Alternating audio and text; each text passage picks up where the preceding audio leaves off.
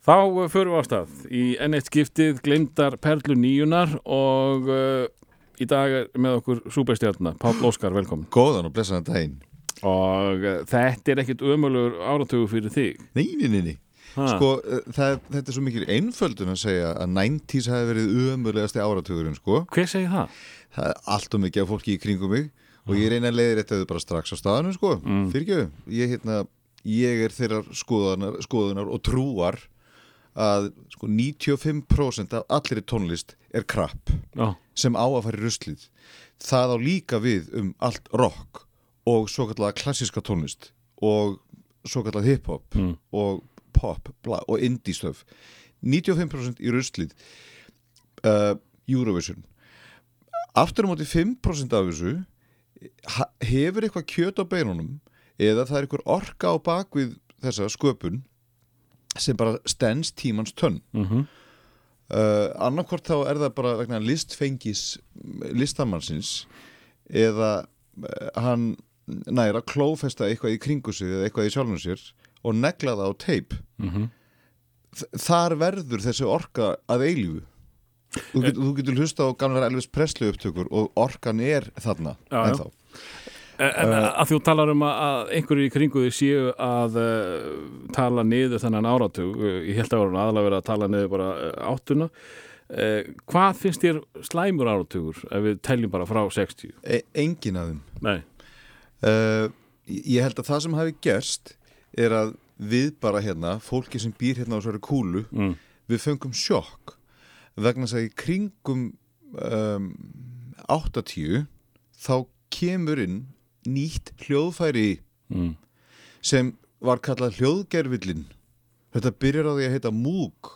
Veist, þetta byrjar á því að vera segur, segulbandspólur sem að eru knúnar áfram uh, af hljómborði þar til gerðu. Mm þú veist, ítt á eitt takka í einu og þá kom hljóð. -hmm. og auðvitað fengum við öll uh, sjokk og engum á sérlega tónlistamerinni sjálfur sem hinga til hafði verið vanir hljóðheiminum trommur, bassi, gítar, Mhm. hljómborð og hvað gerur þú veist þegar þú færð svona glæni hljóðfæri með svona glæni um hljóðheimi Og þú getur gert allt á hljóðfærið. í alvöru Já. já. og meira segja uh, þú getur hérna mm, sagt við þennan kassa sem þú heldur á í hendinni heyrðu, hér er ég með kassa sem, sem segir bing og ég get látið þennan kassa búið til þúsund mismunandi útgáfar af, af hljóðinu bing, bing bum, dum, þú veist og, og þú situr við hérna þennan kassa, ég byrja allan sólarhingin að finna Réttabingir. réttabingið rétt, rétta bassatrómusóndið rétta riffið, rétta hæjatið og svo framvegis Mhm. og býr til algjörlega þinn einn hljóðheim ef það er það sem þú nennir. Og ég held að, að, að það hefur bara hinlega orðið áreikstur eða jafnvel svona jár, járbrutaslís þarna á millið þessara tvekja, tvekja heima 1980 og 1990 þá vorum við ennþá að rembast við að klambra saman þessum tveimur hljóðheimum eða þessum aðferðum við að búti tónlist. Uh, við vorum líka að hérna, re reyna að dressa okkur upp í stafræna heiminn sem var líka algjörða nýtt. Þú veist, núna þurftir ekki að nota eh, nýþungar segurbanspólur heldur allt í hennu gastu setja við tölvu og, og hérna og, og þú bara fylgist með einhverju hljóðrás sem byrtist bara á skjánum fyrir fram að þig. Þetta var líka nýtt. Mm.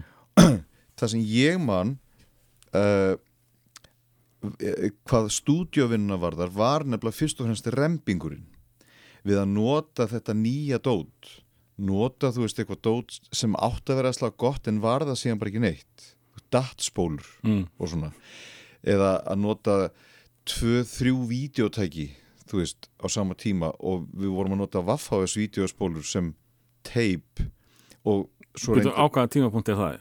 Er á og vídeo? seitplatan, já, við erum að nota uh, Jói Lúk heitinn Mm. var mitt með þrjú svona tæki í stúdíónu hjá sér að reyna að láta þessi þrjú tæki tala saman keira allar spórunar á sama tíma til þess að búa til 8 rásir eða 16 rásir eða 32 Já, ok. brjálað keis, mega barningur sko og þú veist, og engin trygging fyrir því að þetta kemur eitthvað vel út Mm.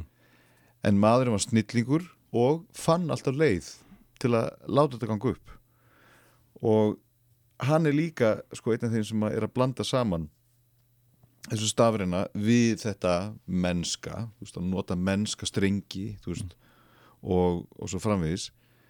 En að grunnurinn sé að mestu leiti stafræn eins og Mm. það heitir. Þetta var mjög, mjög sjarminat og gaman að fylgjast með honum vinna sko. En, en þú, þú varst fann að, að já, þér í tónlist mjög snemma. Hva, hvaða áttu tónlist var svona þér helsta skap? Hvað varstu, hvað, hvað plötur kiftur þér inn í 80s? Sko, ég er svo heppin að ég er alveg upp á heimili sem að er bara músikalst fyrir Mm. það fyrsta Mm og ég er líka heppin að því ég er yngstur af sjö sískinum Já, þau eru sjö, þannig að þú fyrst ansið góðan variant af músík. og ekki erum með það að þegar ég er tveggjára fara barnaböndinu komin Já, hó. þannig að ég var aldrei í rauninni yngstur ég átti alltaf frænda sem var tveim árum yngri en ég og hann var eiginlega svona eins og bróður minn sko Mm. þannig að þegar þú elst upp eh, í nýjumanna fjölskyldu í íbúð sem er 110 fermetrar að þá gekk lífið svolítið út af það að þú, að þú þurftur að búa til þitt eigið identity, Mm. þú þurftur að búa til þitt eigið space og það gerir þú með músik og ég held að ekkert okkar hafi verið að hlusta á sömu tónlistina þegar ég kem í heiminn Mm. Dittu er að hlusta á Joan Baez og Joni Mitchell Mm. og flottar hippasöngkonur með kassagítara á meðan Linda sýstir fer síðan smá saman út í Kate Bush og Pat Benatar Er hún, er hún á milli þá eða? uh, Nei, Ástís er eitthvað elst Mm. og Ástís var sko að vinna sem barþjóðn á klubnum í Kanada Mm. að, og hún var svolítið duglega að fara til sólalanda á sumrin þannig að hún kemur heim stundum úr vinnunni með heitustu diskoplötunar og það vildi svo til að hún var að passa mig svolítið oft og mikið þannig að ég stend við Diskoðu kemur þaðan? Já, Aha. hún smita mig sko og uh, pappi og mamma á sama tíma einmitt fara til spánar, kaupa plötur og þetta voru vennilega batnaplötur sem ég fekk en, en eh, svo, svo kefur upp úr krafsun að þetta voru spænsk börn að syngja diskolög og poplög þess tíma bara á spænsku Mm. Þannig að þú kynnist kannski þessari tónlist fyrst á spænsku? sumt, Já. sumi á stöfi já eins og hérna uh, já, svona ítaskir hittar eins og Gloria Já. með Umberto Tozzi ég heyri það fyrst, einhver, einhver spænsk börn syngja þetta þú veist og svo hérna líður tíminn uh, aðdökunubróðum minn er að hlusta á þungarokk þannig að ég kynist Judas, Judas Priest, Iron Maiden Motorhead og setna Metallica um, Og ertu opinn fyrir því? ég, ég skil svo sannlega orkuna Mm. á bakvið rockið en ég fæ ekkert kikk út úr því að hlusta rock á plötum Nei. ég verð að mæta svæðið Mm á tónleika og ég verð að fá sko skálmöld beint í magan á mér Nákvæmlega. ég vil vera kildur í kviðin Mm. og þá elska ég það og þá er ég með tungan út og tó- tvo putt á lofti veist, allt, allt geggið þannig að ég er næ því Já. Og hérna og um, Matti bróður af einhverjum ástöðum þá fyrir hann að læra á trompet til skamstíma Mm. og Hörb Albert kíkir í heimsók Þetta er rosalega fallegu grötur maður. Já, og á sama tíma eru pappi og mamma bæði starfandi klassíski söngvarar bæði mentuð þar þau kynnast í kirkjukór sko Mm. hátískirkjukornum þegar pappi er 21 og mamma er 17 og þannig að ég veit alveg hérna munin á Luciano Pavarotti Placido Domingo Jose Carreras Mm. veist, ég, þetta þekki ég allt og ég, ég kann allar þessar arjur og ég þekki klassíska tónlist en veistu hvað er skrítið að mm, það er svo skrítið að vita það að bítlarnir eru æði Mm. uh, þú þekkir allar hann katalóg en samt tengir ekkit endilega við þetta það sem ég finnst strax sem bann er að ég tengi mest við diskóið. Kannski vegna þess að diskó og danstónlist er tónlist lífsgleðinar Mm þetta er eina tónlistastefnan sem ætlar sér að hafa bein líkamleg áhrif á þig í einfalleika sínum. Þetta er rosa flókið einfalt. Ég skil að mæta vel að fólk sem hreinlega hefur ekki áhuga því að dansa fyrir það fyrsta, eða bara hefur það ekki í miðtöðakerfun á sér ég skil það mjög vel að það láti disco færi töðunar á sér, Mhm. eða bara danspop. Þar er þau ekki þá uh, skilji líka fólk sem lætur pop færi töðunar á sér, það, af því það, er- það er svo ógeðslega mikið til af því. Og það er Og- það sem að heyrist hvað helst. Þú þarfst að, þú þarfst að leita annað til þess að fara í eitthvað annað en pop má segja. Já, og hérna já, og þú þarft að hafa fyrir því. Mm. staðan er kannski orðin mér segja enn verri í dag. Núna með tilkomu internetsins og með tilkomu þú veist, markasfræðinga sem að ég held að sé almesta bölvun mannkins uh, í sögulegu sammingi vegna þess að núna í dag að þá er búið að reikna þetta allt saman út. Það, í, það verður að íta að þér því sem þú átt að hlusta á. Já, hvað höfðar til hvers? Mm. þannig að í dag er ég að heyra poplug sem sko er, er skellt framann í eins og rjómatertur sko. Og, hérna, og það eina sem ég geri, ég tengi ekki til þetta, ég bara nutta mesta rjóman úr augunum sko og, og eyrunum. Og hugsa með mér ok, þetta lag var ekki samið af fólki, þetta lag var ákveðið á einhverjum fundi. Á einhverjum djúðs konceptfundi með nóg á kaffi latti Mhm. og þú veist hver einasta nóta sem þessi blessa söngkonir að syngja er fyrirfram autotúnu eða þú veist þú, og hún meira sig að sækir, sækir söngstílin til einhverjar annara söngkonu sem, að, sem er búin að mastera þetta miklu betur en hún Mm. uh, þannig að um, meira sig að söngurinn sko, sem ég heyri er orðin uh, litaður af söngstíl einhvers annars og þá fyrst erum við að hérna, fara út í hræðilega hluti vegna þess að söngur uh, er svo ógeðslega uh, og söngur verður að vera svo ógeðslega einlagt dæmi að ef þú reynir að ljúa að fólki í gegnum söngrötunuðina þá fattast það strax. Þannig að sá sem er að hérna, ætla sér einhvern karriér uh, í, í tónlist hann má ekki ljúa í gegnum söngrötuna þér tekst kannski að ljúa í gegnum eitt eða tvö lög en svo máttu ekki vera hissa á því að fólk sko í, í, að fólk skólar þér út með baðvatninu. Mhm. uh, það fólk sem að ég, ég tek eftir því að það fólk sem hérna, vinnur við þetta í hérna, þó nokkuð mörg ár eh, og, og næra eitthvað karriér er fólk sem vennulega uh, finnur einhverja orku í sér eh, treystir og þorir að leifa fólki að upplifa sig varnalust þú, þú þorir að sína fólki varnarleysið í þér og þú hleypir, þér, hleypir fólki þangað inn og í varnarleysinu þá ertu óhrættur við að stilla sjálfum þér upp í vegg og pröfa síðan eitthvað nýtt. Eitthvað sem þú áttir ekki eins og vonað og gætir púlað Mm. þarna verða stjörnundan til. Þarna mm, verða listamenn til sem eru stöðut að augra sér sjálfum og komast yfir ákveðnar hindranir. Þar byrjar þú að vera í liði með þeim og dáist að því að þið hafi komist yfir þessa hindrun, þessa hindrun, þessa hindrun það er beautiful, En- endur uppgöta sjálf sig. En þú talar um það að, að diskóðu það kannski náði hvað mest þegar þú varst uh, krakki en, en svo heyrum við að þér sem bara eh, eina helstu grúpíu ham á einhverjum tímapunkti. Jú, jú. Uh, hvernig gerist það? Þetta er náttúrulega, vantarlega þá var þetta einn þingsta hljómsveit landsins. Já, já, en þeir eru með þessa orku sem að ég er að leita að í, í danspoppinu Mm. þú getur dansað við ham Já, já. það hafa þeir bara Björn Blöndal og Atti Rock á trommum trommur og bassi sem eru bestu vini hvers annars Mm. og fungara það bara, það bara hérna, kemur mér til Hvað varst að hlusta á þegar áratugurinn gengur í garð? Þá varst, þú 90s. þá varst að verða uh, tvítur, þú ert 19 að verða tvítur, og ég segja þér eitt skrítið segð mér eitt skrítið. uh, uh, þetta tímabil og þetta sem þú ert að tala um núna ég að verða tvítur Mm. þarna ligg ég á stofugólfinu heima hjá mér á Solvallagötu klukkan fjögur að nóttu örglega í júni á bjartri nóttu að því það var klukkan var fjögur að mótni og það var bjart úti og ég með headphone og uppgöta bört bakara Já, það er þarna. uppgöta Díón Orvik og bilast. Og hérna það var svo skrítið að mitt í miðju tónlistaruppeldinu þá heyrði ég eiginlega aldrei þessi lög, hans Birds mm. eða þessar dýfur sko. Já, Dusty, Springfield, Dion Warwick Karen Carpenter þrátt fyrir þessa svakalegu súpu sem að var á Já. heimilinu. Ótrúlegt.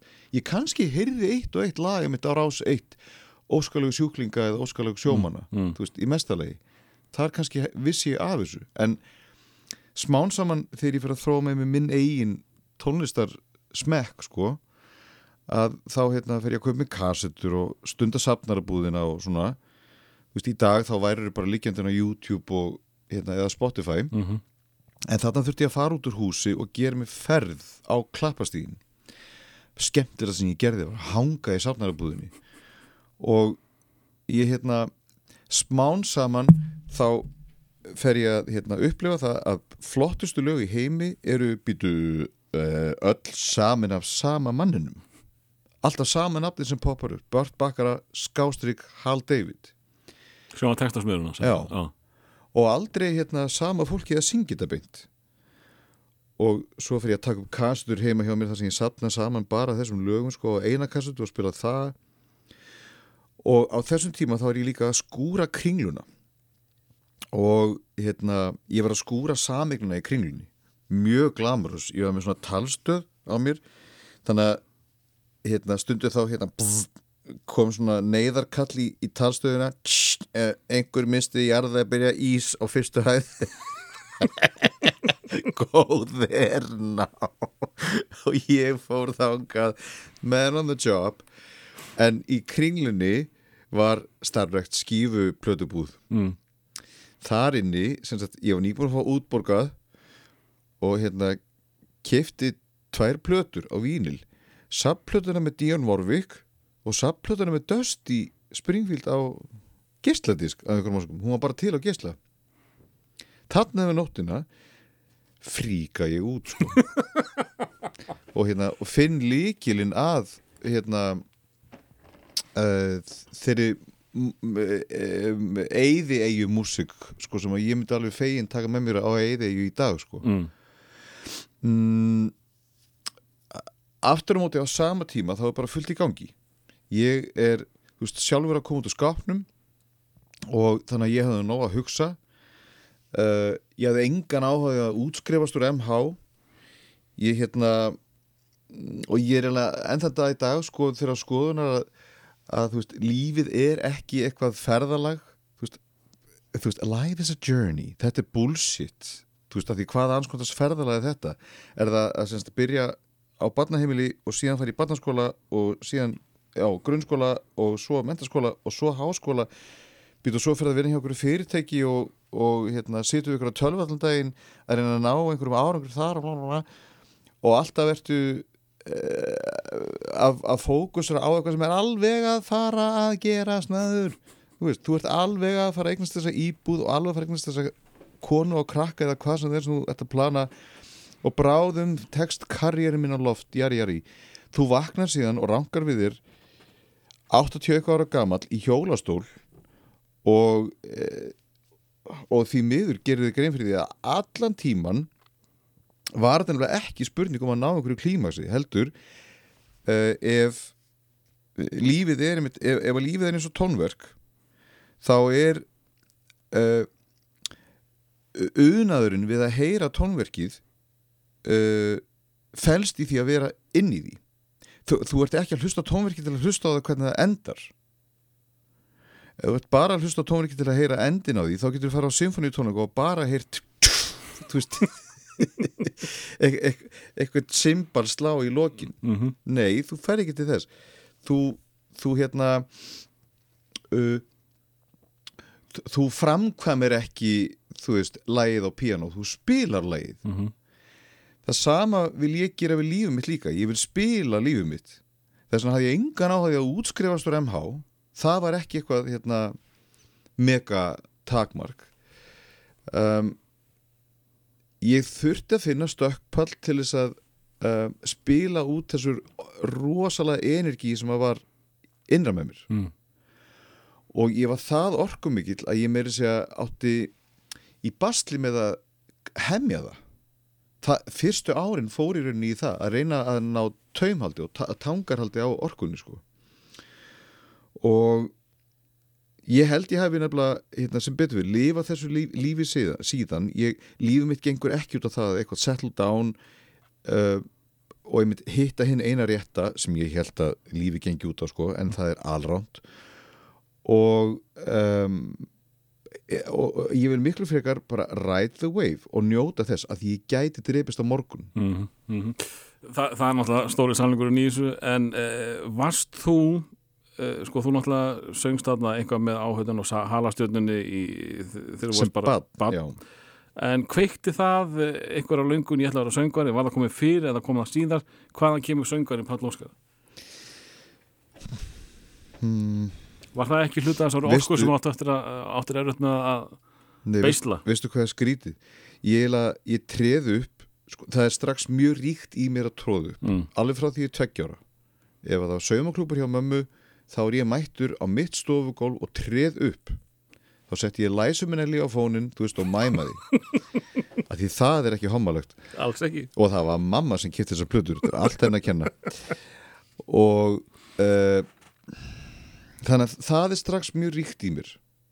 Bara að að vera people, people pleaser Já. entertainer Mm. já. Uh, En þú vissir og gast sungi mjög snemma eða ekki? já, já, Já. þú veist og ekkert mál og ekkert feimi við það og, og hérna þannig að ég fílaði bara í botn að vera í hljóður í dag í gamla daga þú veist og taka upp þessar ævintýrarplötur það var jólaplata með Gunnar Þórðar halasturnum plötur með Gilva Ægis og þú veist ævintýrarplötunar hans. Svo kemur gummitassan Mm -hmm. þegar ég er 12 ára strax svona burðarhlutverk í söngleik sem var eitthvað mjög flottur sko. Og það gekk í heilt ár og ég er 13 ára og þá, þá fer ég mútur og ræði ekkert við röddina. Það sem var skrítið er að mér var skýt sama. Já, og hérna ég var farin að hafa miklu meira áhuga á hryllingsmyndum og bíómyndum og hérna að teikna og hönnun. Þú veist, ég var að hérna, hanna föt og dúkkulísur þú veist og eh, að því mér finnst fötin sem fylgdu með dúkkulísur svo ljót og takki að ég vildi frekar hanna þetta sjálfur og ekki vissi ég það þá en allt þetta sem að ég föndra við var í rauninni undirbúningur þetta var allt bara undirbúningur og upphittun fyrir poppið mm. að því þegar þú ert orðin poppari þá eiginlega ertu komin inn í business sem krefst þess að þér að þú sért uh, fjöllistamæður Mm. multimedia artist þetta gengur ekki bara út af það að hérna, semja melodýr og síðan texta við það kunna að koma því frá þér útsetja það, taka það upp og mixa það. Þetta er líka spurningum ok, hvernig á þetta músikvídeó að líti út? Veist, er það að fara að dansa í því? Hvernig kóreografinu það? Hvernig, hvernig verður lúkið á þér? Mm -hmm.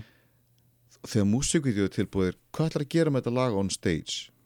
Hvernig, hvernig hvað getum við gert við þetta lag þannig að það verði enn sterkara á sviði allt, allt þetta var bara kallaði nafn mitt.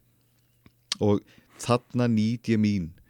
En, þetta í dag sko. Já, þú, þú ert að í þessu í dag. Jú, Þú ert að púsla saman Ég- öllum pakkan ég er hands on Já, í öllu. Nákvæmlega.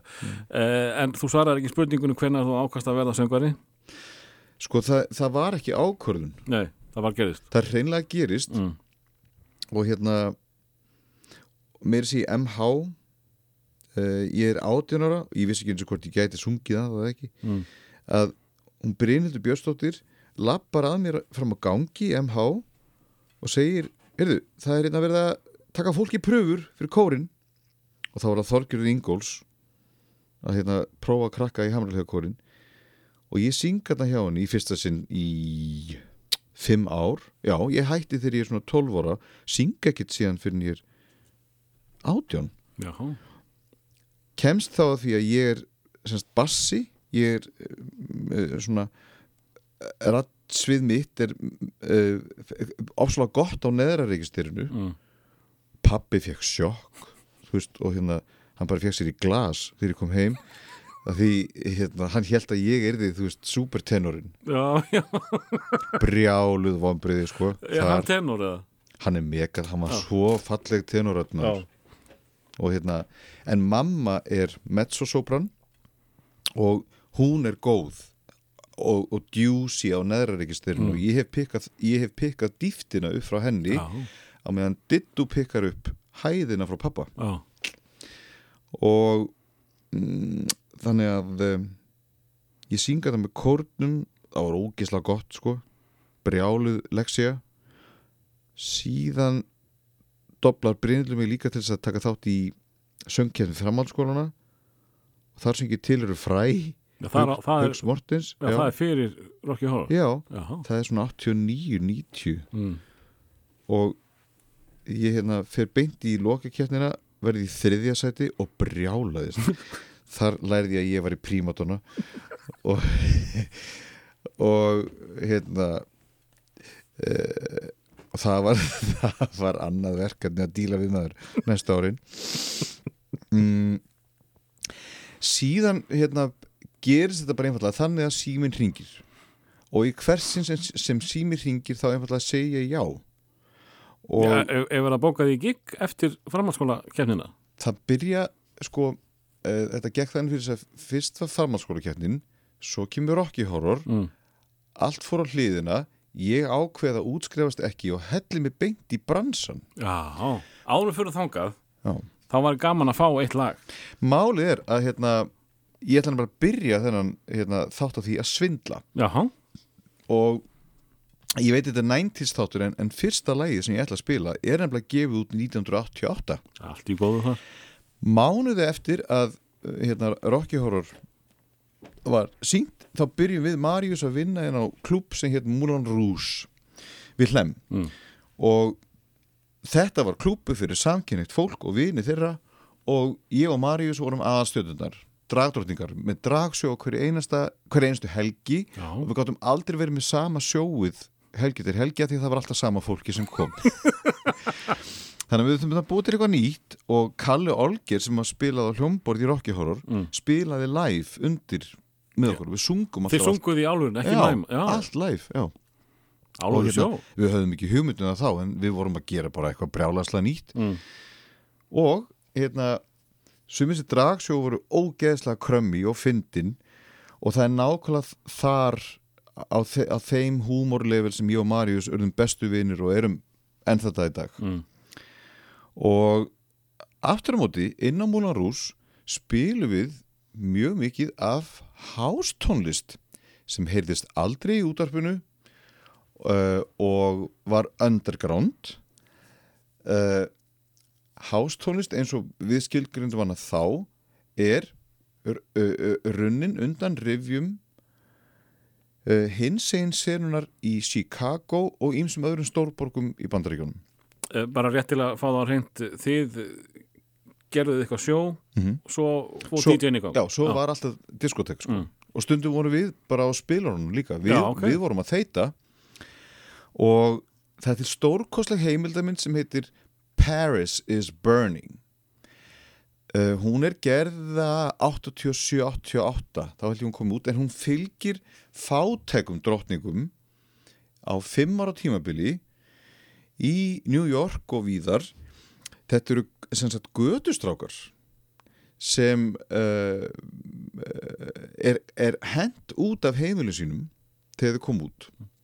Þeir eru heimilislausir og þeir eru te hálpartinn teknir í fóstur eða eru undir verndarveik gamalla og eldri drottninga sem hýsaður hinnlega í sko gömlum yfirgjörnum vöruhúsum. Og þessi hús voru síðan nefnd í höfuðið á gamlu drottningunni. Ef að, ef að drottningin hétt La Beisha þá hétt húsið House of La Beisha þú veist, ef að drottningin hétt Ninja þá var þetta House of Ninja.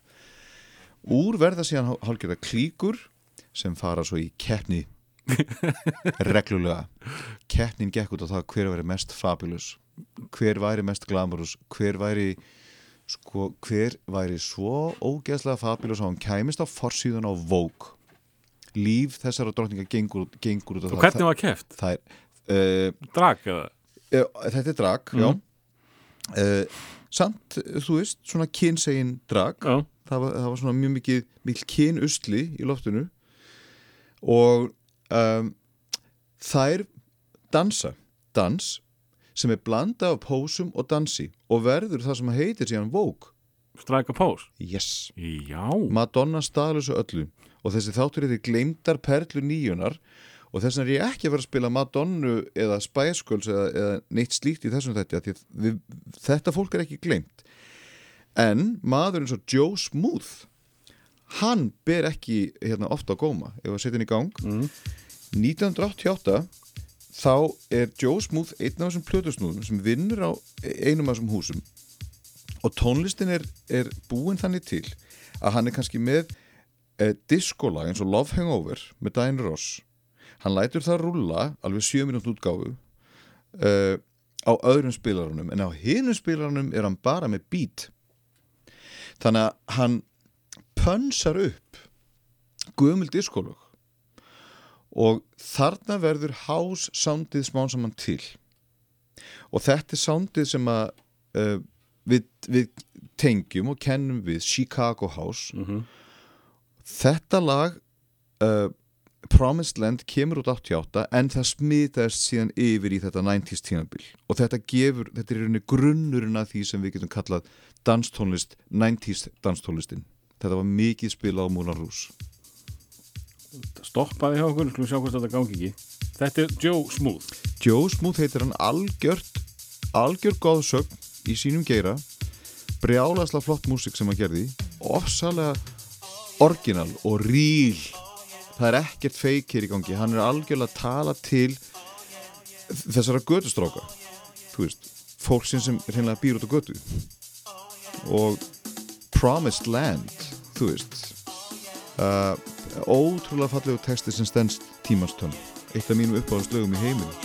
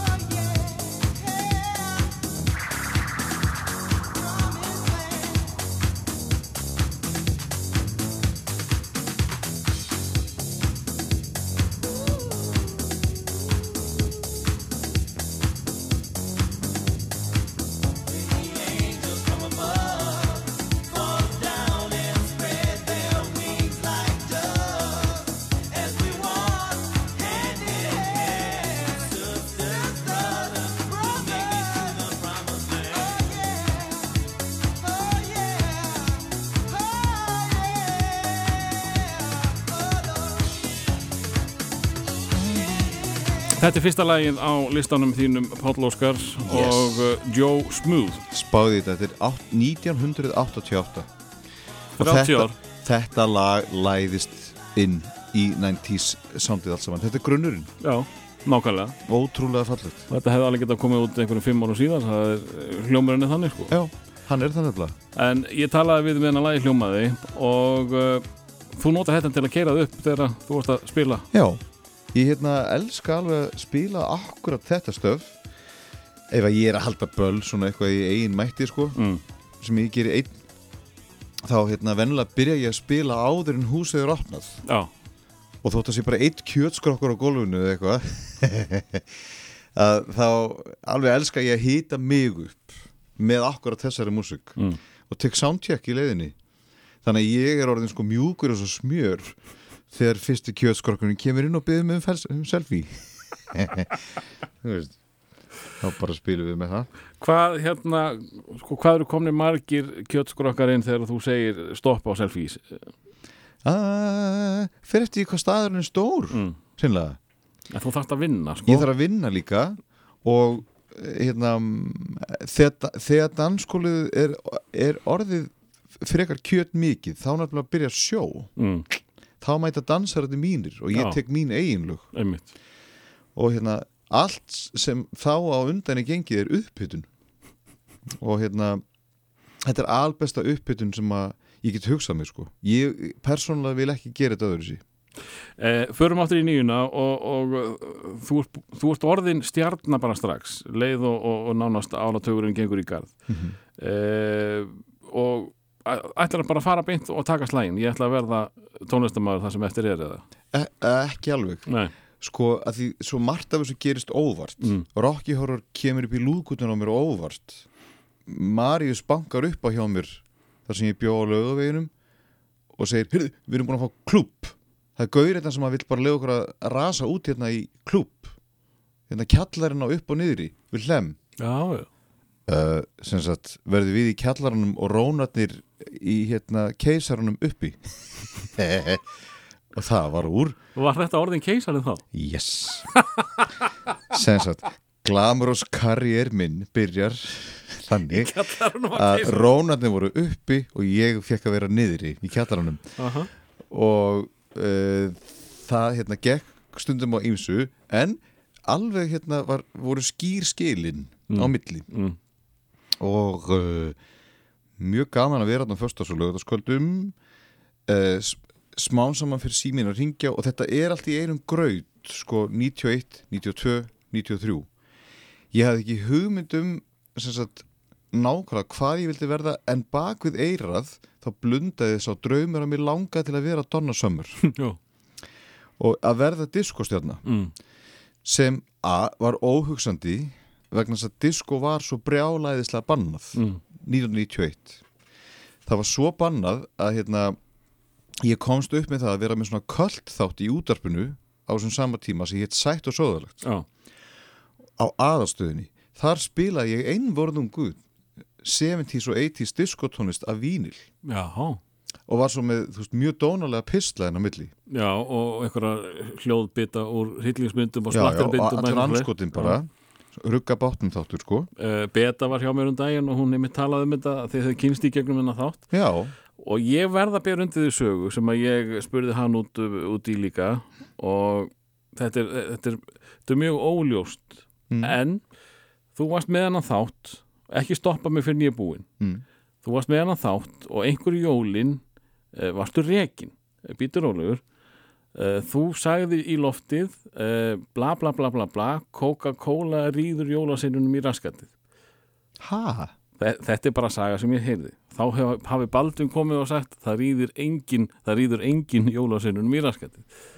Þetta er greinlega lígi, ok, en þessi saga hefur lifað í, í haustum á mér lengi, einhver saði mér hana fyrir lengur síðan. hvað ert að segja ég þarf að hérna tekka á þessu betur að því ég á alla þessa þætti á svo kvöldum datspólum Já, er það? ég tók þá alla upp ég veit að það eru margir að núti sem hefði ekkert að móti og þú myndir bara henda það á internet.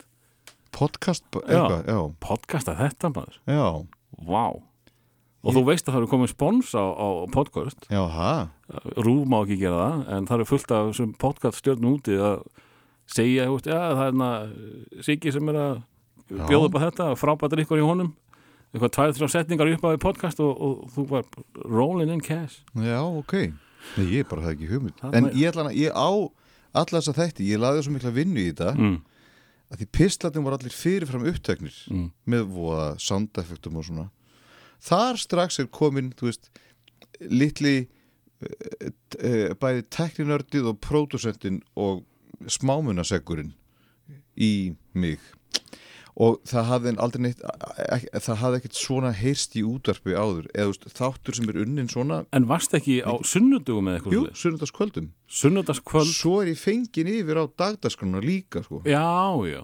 Og Smám þá varstu ekki af grófur eða eitthvað? Nei, þá er ég bara að DJast Já, spila það sem ég síndist sko. mm, og hérna en sunnudagskvöldi fekk maður að rasa út og vera alveg indislega politically incorrect. Og sem að eh, hérna því miður sárlega vantar núna í, í samfélagið. Ég, hérna, ég er alveg þar. Mm, ég, ég er einn af þeim sem hérna, ránkólfi augunum yfir fólki sem er móðgað hægra og vinstri. En, en sko, núna þarf svo lítið til að móðga að, að það er mjög erfitt að fara að stíga þann dansa að vera inkorrekt. Já, ég veit það.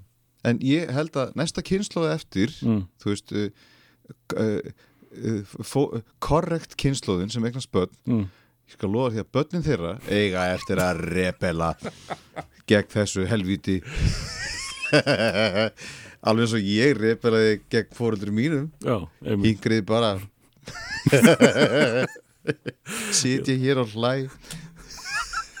eh, En eh, sko, þú komin út uh, þarna 17 ára Þú kemur út 17 ára, já. 87 og, og, uh, sko, og þú ert komið bara gay klúb hérna early 90s já, 91, þetta er janúar er þetta, 91 er þetta fyrst gay klúburinn á landinu? ekki alveg, vegna þess að 22 Mm, já, auðvitað se- sem þá var og hét uh, lögumögu 22 hefur alltaf verið gay Mm. eða veist, hann byrjar á því að vera arti indie, listamanna eitthvað og hérna, efrihæðin varð síðan bara hérna gay. Mm.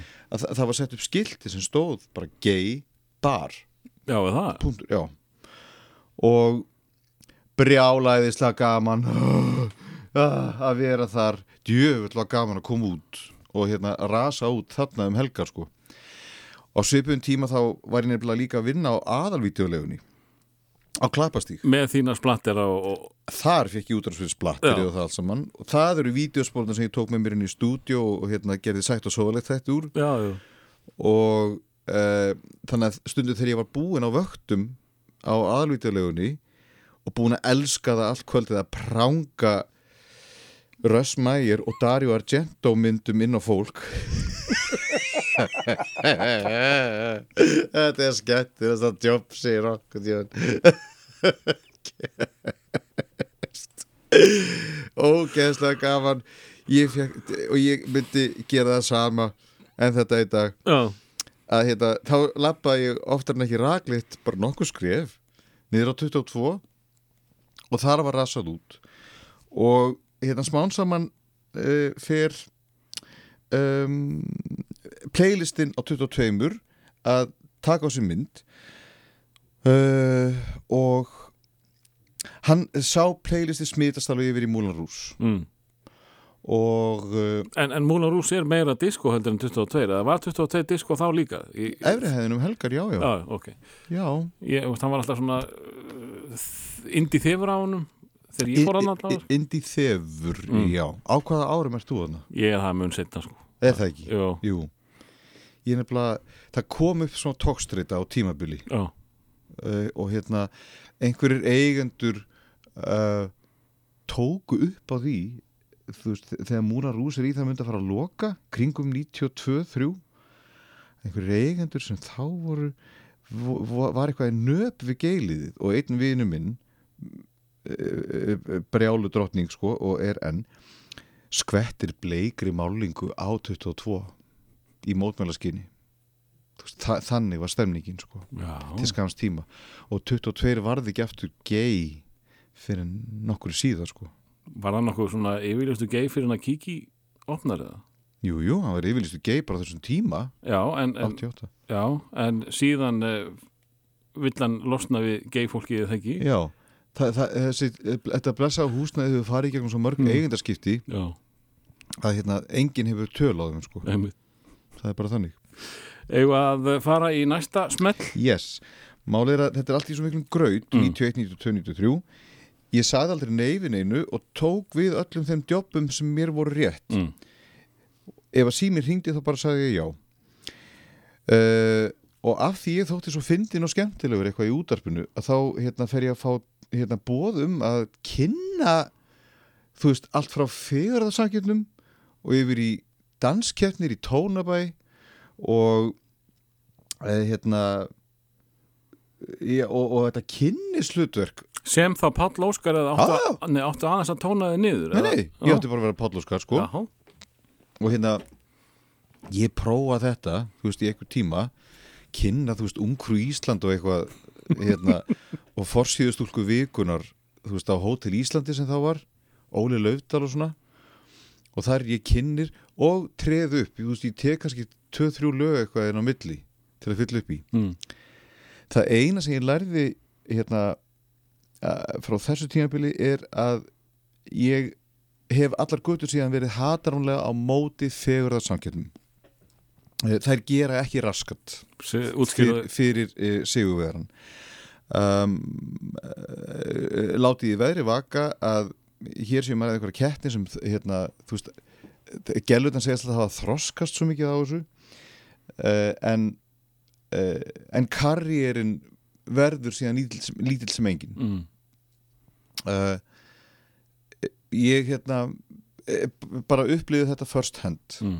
og hérna hef já, gott síðan verið á, á móti því að fólk sé vegið og metið út frá útlitinu einu saman Mm.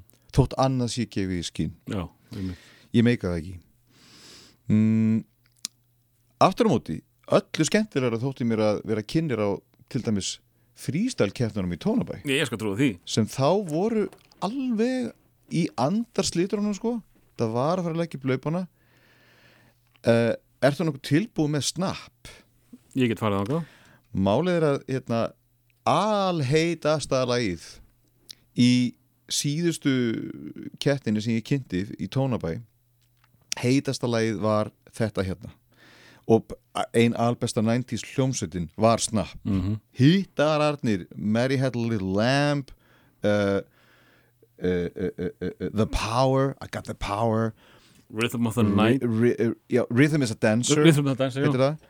Og ég held að alflottasta lagið var nefnilega þetta hérna. Þa, það voru þú með sér tveir keppendur sem kepptu með þetta lag sko og Við- þessari ákveðinu keppni í Tónabæ. E- Einn af mínum stærstu sigurum í lífinu var að eh, redda lægi í uh, danskeppnina, frístalkeppnina hmm. og hún vann, hún, hún var Íslandsfjöldari eh, eitthvað með Tom Brown sem enginn þekki sko, bara ég. Vá. En sko söngkona sem syngur þetta lag var bakrætta söngkona Madonnu. Já, yes, er, þetta er samt ekki svo sem að eh, söng Power er það, þessi kemur inn síðar jú, Er þetta svo þetta er saman? hún já. Ef að fara í það?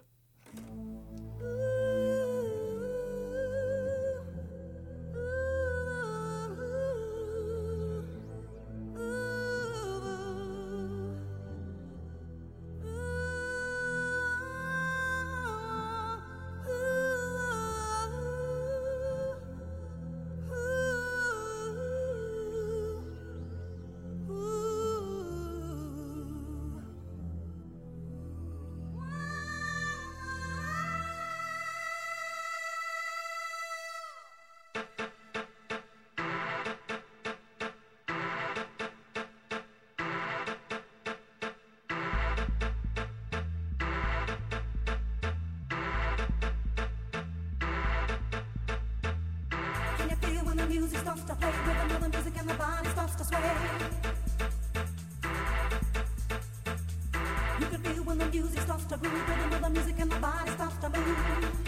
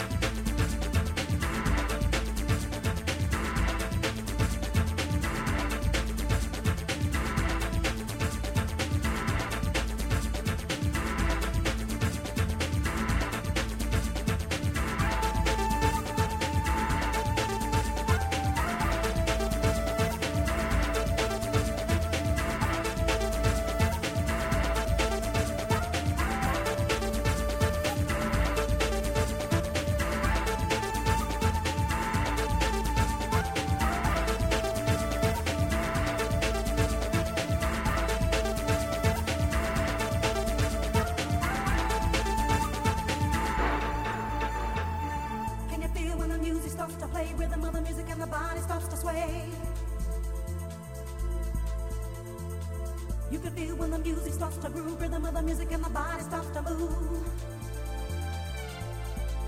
Exterminate.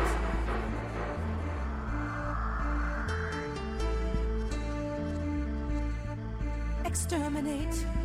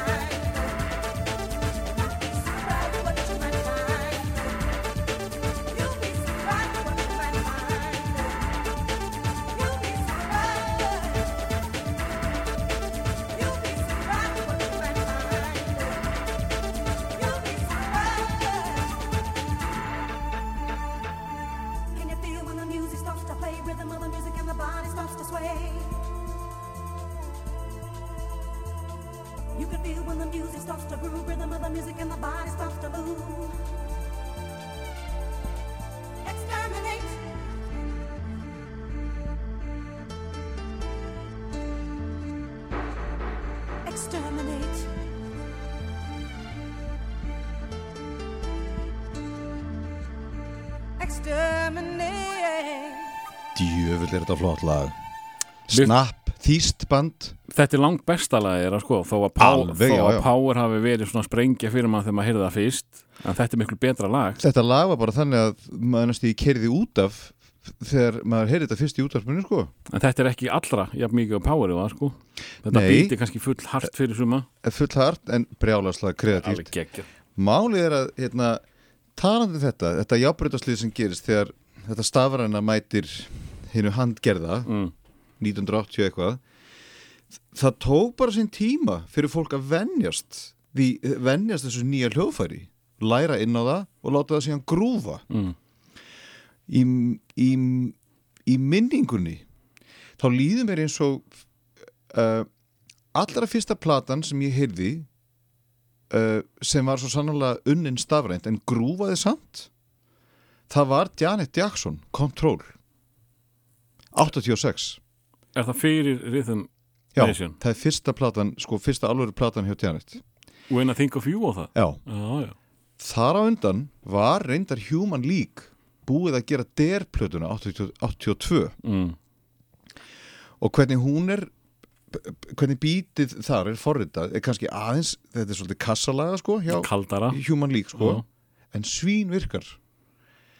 Aftur á móti ná hérna þeir Terry, Jimmy Jam og Terry Lewis hjá Janet Jackson að þú veist grúfa eiginlega eins og prins prins var að ná þessu en þeir náðu fullkonunda með henni. Prins var líka alltaf með sama trómmuhelan svolítið mikið. Já Ég að vísu elska það sánd og, hérna, og síðan ég man það moment þegar ég sko í alvörunni keiri út af. Eh, yfir ykkur sem ég heyri í útvarpinu. Já, og það hefur ekki komið fyrir mig síðan. Það var þegar ég heyrði í Prodigy í fyrsta sinn. Og hvað heyrður þú þá fyrst? No Good. Ég heyrður ekki Out of Space og það dút ég, þá? ég, ég, ég vissi af því Já. en, hérna, en ég þurfti að heyra það síðar á geðislatiski mm. en No Good var alveg ok, ok, fuck. Það er eitthvað, það er eitthvað að gerast. Það er eitthvað brjálaslega nýtt að gerast. Ekkert ósöpu tilfinning að koma upp hjá mér og Mariusi þegar við heyrðum Vogue í fyrsta sinn með Madonna þá horfði Marius á mig og sagði ok, Madonna er búin að vera the woman of the 90s nei, 80s, Madonna verður the woman of the 90s líka. Mm. hann hafði bara háreitt fyrir sér. En eh, sko, ég veit að þú elskar Madonnuna þína. En var það ekkit eh, að pyrra ykkur að hún væri að stela eh, þessum uh, homma frösum í, í einmitt vóglægin ekki bön, nei. Það var bara E- go e- girl. E- þetta var hérna, bara mega statement. Já, uh, hjá konu sem er jafn popstjörna með jafn háan prófíl uh, þetta er svona svipa eins og ef Elvis Presley hefði bara notað þú veist uh, blökkumenn í hljónstunni hjá sér, alltaf bara. Já, þú veist, að þá mæti Madonna og fyrir á heimstúr bara með gay fólki í öllum hotnum E- á þessum túr? Flame, já, Blonde Ambition já, Flaming gay götustrákar sem sumir voru mér sér í Paris is Burning myndinni. Yes, ótrúlegt. Og hérna hún er alveg homma mamman sko. Og um, þannig að hún fekk þetta allt að láni en hún gerði líka, gerði þetta að sínu og hérna og gerði það bara snýttalega allur ferill Madonnu gengur á það að fá eitthvað að láni. Já, já, einmitt. Hún fær bara alltaf réttu hlutina að láni. Já, og hún les það líka alveg rétt. Mm. þú veist.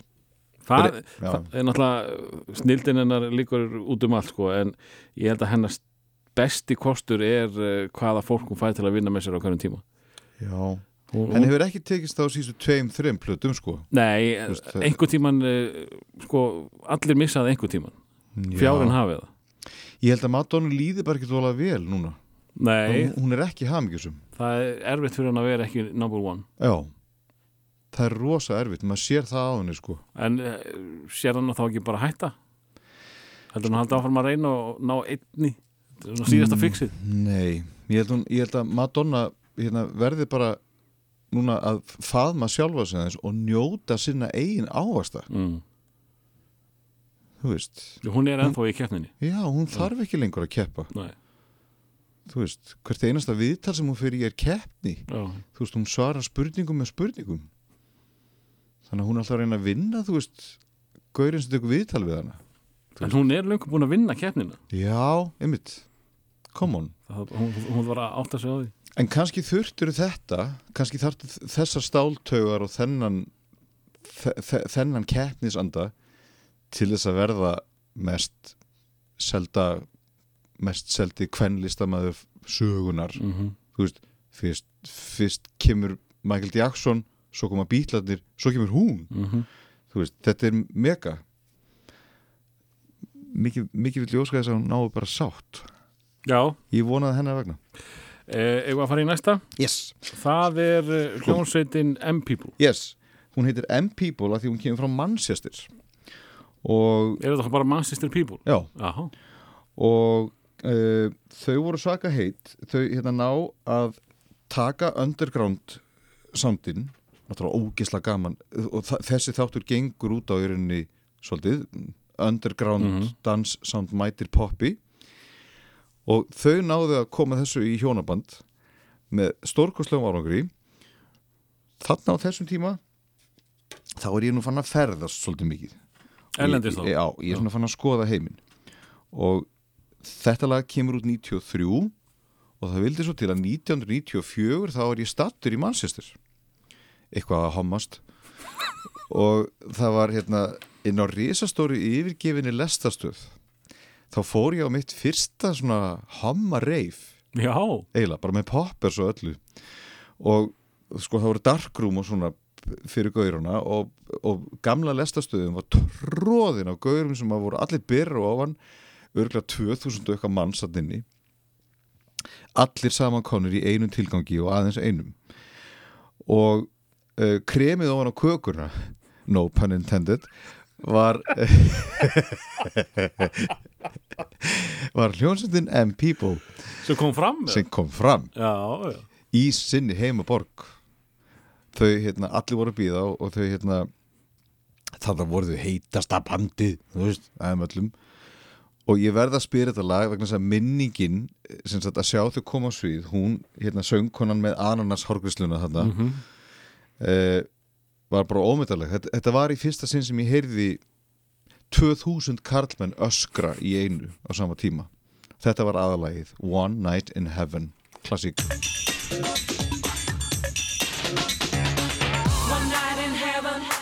night in heaven. One night in heaven, one night in heaven.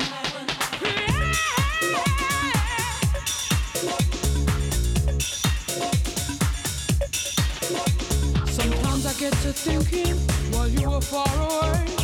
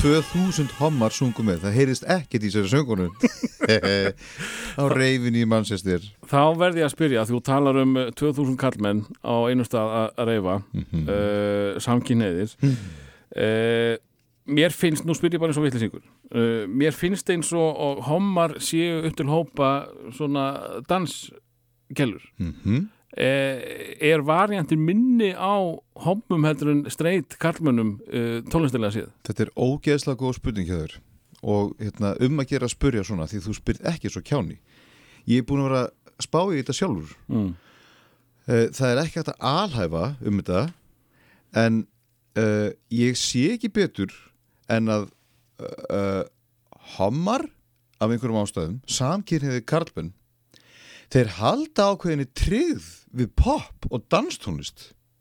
Þeir halda áfram að fylgjast með því nýjasta sem er að gerast í poppi og danstónlist á meðan jafnaldra þeirra föðra upp og föðra út um þrítugt.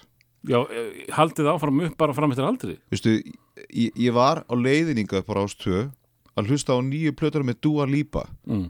ég veit nákvæmlega hver hún er ég er að verða 50 ára Já, þú er aðeins átt að því að þú ert kannski ekki hinn venjulegi hommi nei, uh, a superstar. vinir mínir líka Já, í kringum ok, mig vita ok. hver Dua Lipa er mm. veist, og fíla þú veist, soundið í henni, fíla attitúdið í henni, skilur Og svo líka hérna sem að hefur tengst uh, homonum, ekki, ekki lesbíum það er uh, mikið af þessari nýju danstólist uh, í gang á þessum homoklúbum sko, þetta er líka ákveðin ég veit ekki hvort þetta sé mýta en, ok. en, en kannski uh, hérna uh, er með þessi Paris is Burning saga sem ég sagði hérna áðan. Mm uh, kannski er hún uh, ákveðin um, uh, sönnun þess að flest öll sound byrja oftar en ekki hjá hom homonum Já, eða þú veist, allan að það sem er næst á leiðinni mjög furðulegt að segja svona en, þú hefur ekkit þú getur ekkit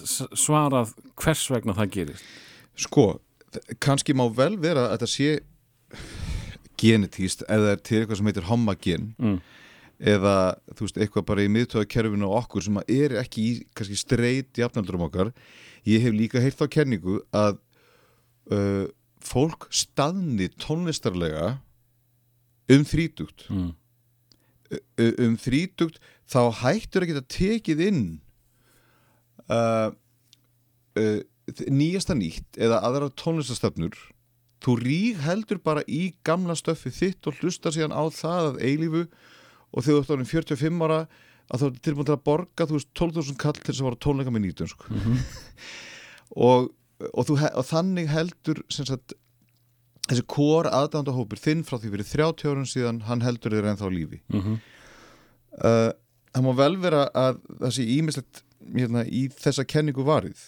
Að, við, að, að við stoppum að við, sagt, Það við er einhver rannsók sem sýnir að þú píkar 13-14 ára og það sem að þér fannst geggjað 13-14 ára það mun þér finna, gegg, finnast geggjað fram eftir aldri. Mm. þó að einhverju kannski ná að fara í hína þessar áttir en uh, aldurinn 14-24 fjögra, hann ákveður hvað hlustar á það sem eftir lifir ok, þá þarf að gera aðra rannsókn á hommum. Já, náka, með nákvæmlega þetta bara í huga. Já, vegna þess að uh, af einhverjum ásökum þá hérna, halda homandir áfram uh, og þeir, það er eins og þeir hafi meiri húmor í sínu tónlistafali Hom, homar hafa húmor fyrir Eurovision. Já, nákvæmlega Þeir, þeir elskan ekkert svakalega. Þe- þetta er meira Jú, þeir elska nefnilega Eurovision þegar, en- þegar það er sem verst.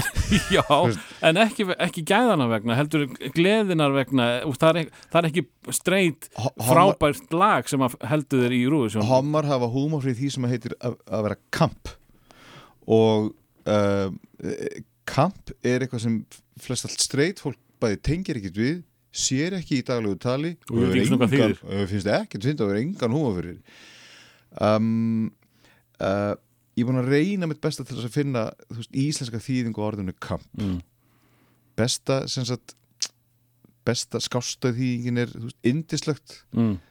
uh, en kamp er oftar en ekki uh, eitthvað sem einhver listamæður gerir eða segir uh, sem uh, er, er gert í fúlustu einlagni alveg frá hjartanu en er bara þessum listamanni ofviða.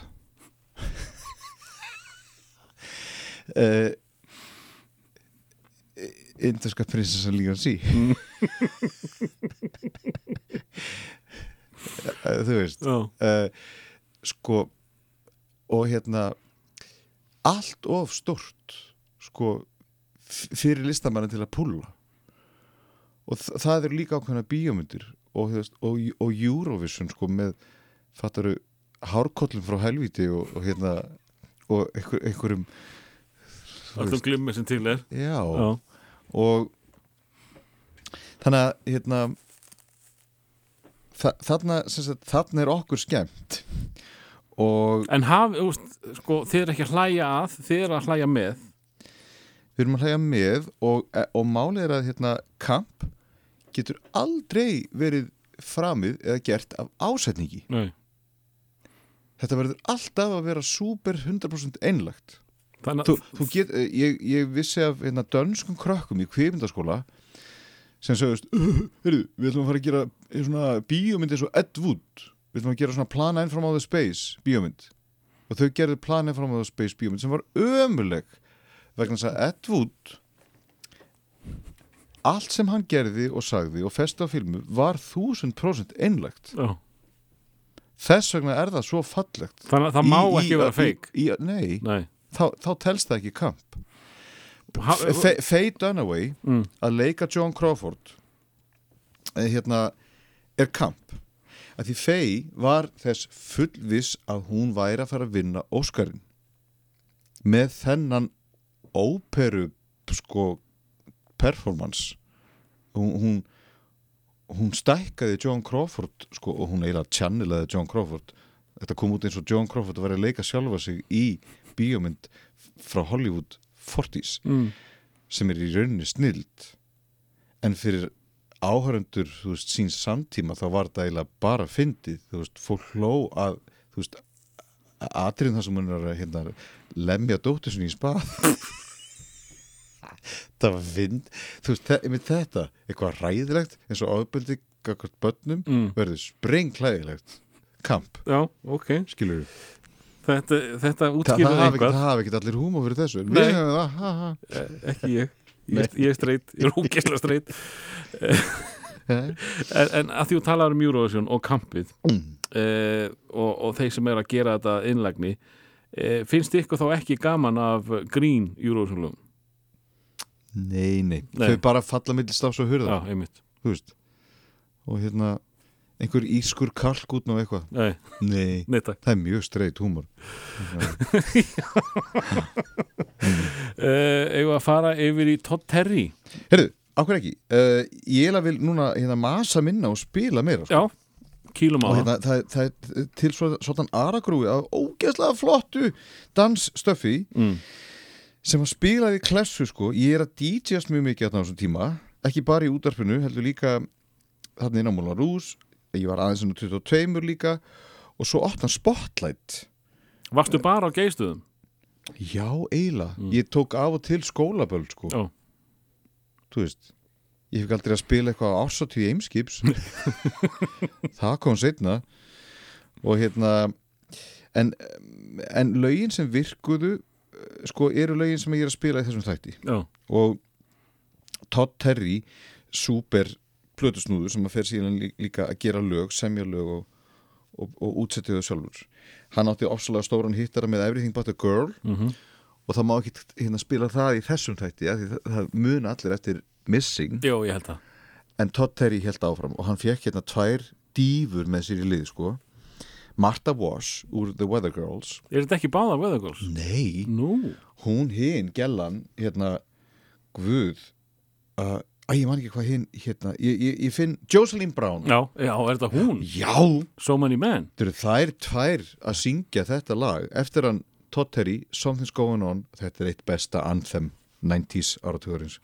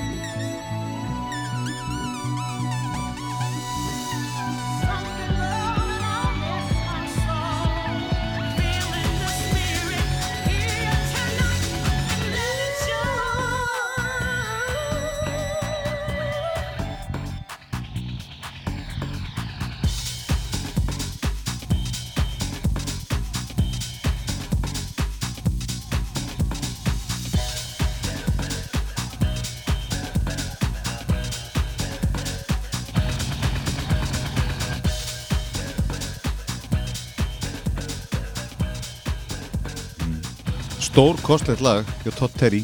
Bell, bell. Jocelyn Brown og Martha Wash syngja þetta saman. Vissið þú þetta með uh, hvort það hafi verið Martha Wash eða hín uh, veðustelpan Hmm. sem að sungu hérna Everybody Dance Now og hérna Right on Time?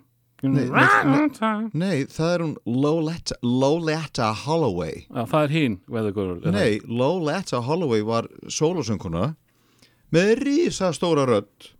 Ég var nú bara að lesa þetta á internetunum daginn mm. að uh, það hefði verið önnur veðustelpan, ég man bara ekki hvað það var. Nei, þetta er ekki rétt. Já, leið mér hann að segja sögur að hún var góð að þeir höfðu fengið eh, tekið sem sagt þennan söng notaðan á þess að gefa kredit á, Lolettu á diskana. Það, það, það var sem sagt lólegt Já, það, þetta var Loletta og hún var ekki kreditiruð hún var ekki kreditur Nei. já. Og á hérna, korugt leið já, þetta voru einhverjir ítalir. Já, eitthvað ítalsband sem heit Black Box. Já. og það líka með Everybody Dance Now. Já. og þeir gengur lengra þeir hérna leta ykkur að leta ykkur að íðil færa að gera mæma Lolettu og hún var ekki parhrifin en Loletta sem sagt á uh, góðan og, og, og gjafaríkan fyrir sko á Salsól leipelnum og það er til mér segja tvær þrjár saplutur með henni svona Salsól saplutur já, ok. Og hérna og þú heyrir alveg að þú veist í næstu hverju einasta lagi er búið að stela einhverju pínlutlu frá Lólettu Holloway. Hún var bremsulaus söngkona, algjörlega filterslaus. Og blessu sér minning hennar, hún dó fyrir svona þrem árum síðan eitthvað slaus en það er til stórkostlaður upptökum með henni bæði inn á Spotify og svo live upptökur á YouTube mm. Loletta Holloway alfinnasta lagi með henni heitir All About the Paper þar sem hún er að monta sæði hvað hún er mikla peninga Heru, við ætlum að fara meiri í tónlist og, og uh, næst uh, er, er það svarið sjálft yes. Music is the answer og það má ekki gleyma því Mm. að e, á þessum tíma e, 90 til 99 þá vorum við öll, eða allan að ég vini mínir, flestir sem ég umgengst við vorum öll lafrætt við AIDS mm. og um, uh, í sjálfu sér var enn verið að gera tilraunir á fólki með livjagjöf Mm. sem um, höfðu aukaverkanir sem ekkit sko, sumar aukaverkanir voru, voru það ríkalegar að sumt fólk, með sér fólk sem ég þekkti kaus að halda ekki áfram á þessum livjum Já. vildi bara frekar fara Mm. um, um, ég hérna sjálfur upplifið það mjög stert sérstaklega inn á klúbum eins og Spotlight að bara það að geta náða að hitta allt þetta fólk bara einu sinni viku og gleyma sér aðeins. Var ómetalegt Mm. uh, vegna þess að það, það var nákvæmlega það, þarna sem að maður gerir sér grein fyrir þjónustu hlutverki tónlistarinnar. Hún þjóna nefnilega því hlutverki að uh, fá þig til þess að gleyma stað og heilar þig svolítið á sama tíma. Þú veist við undir sömun lögunum þá náðu við einhverju svona núvitund skilur sem var bara brjálanslega mikilvæg fyrir okkur einmitt mitt í miðri AIDS paranoiunni og uh, ef það er eitthvað lag sem að fær mig til þess að gleyma mér og eitt uppáðslag mitt frá þessum tíma þá er það nákvæmlega þetta hérna. Music is the answer. Þetta er með Danny Taglia og Seleta tímalus klassík og er þetta ekki fullir lengt? Mm -hmm. Flott Flying, stop your crying. Choosing while you're cruising. Music is the answer to your problems. Keep on moving, then you can solve them. If you feel that you can't take no more, and your feet are headed for the door, gotta keep on dancing and prancing, grooving, keep on moving, flying, stop your crying, choosing while you're cruising. Music is the answer to your problems. Keep on moving, then you can solve them. At 12 midnight, I'll be waiting for you. So don't forget what you have to do. Gotta keep on dancing.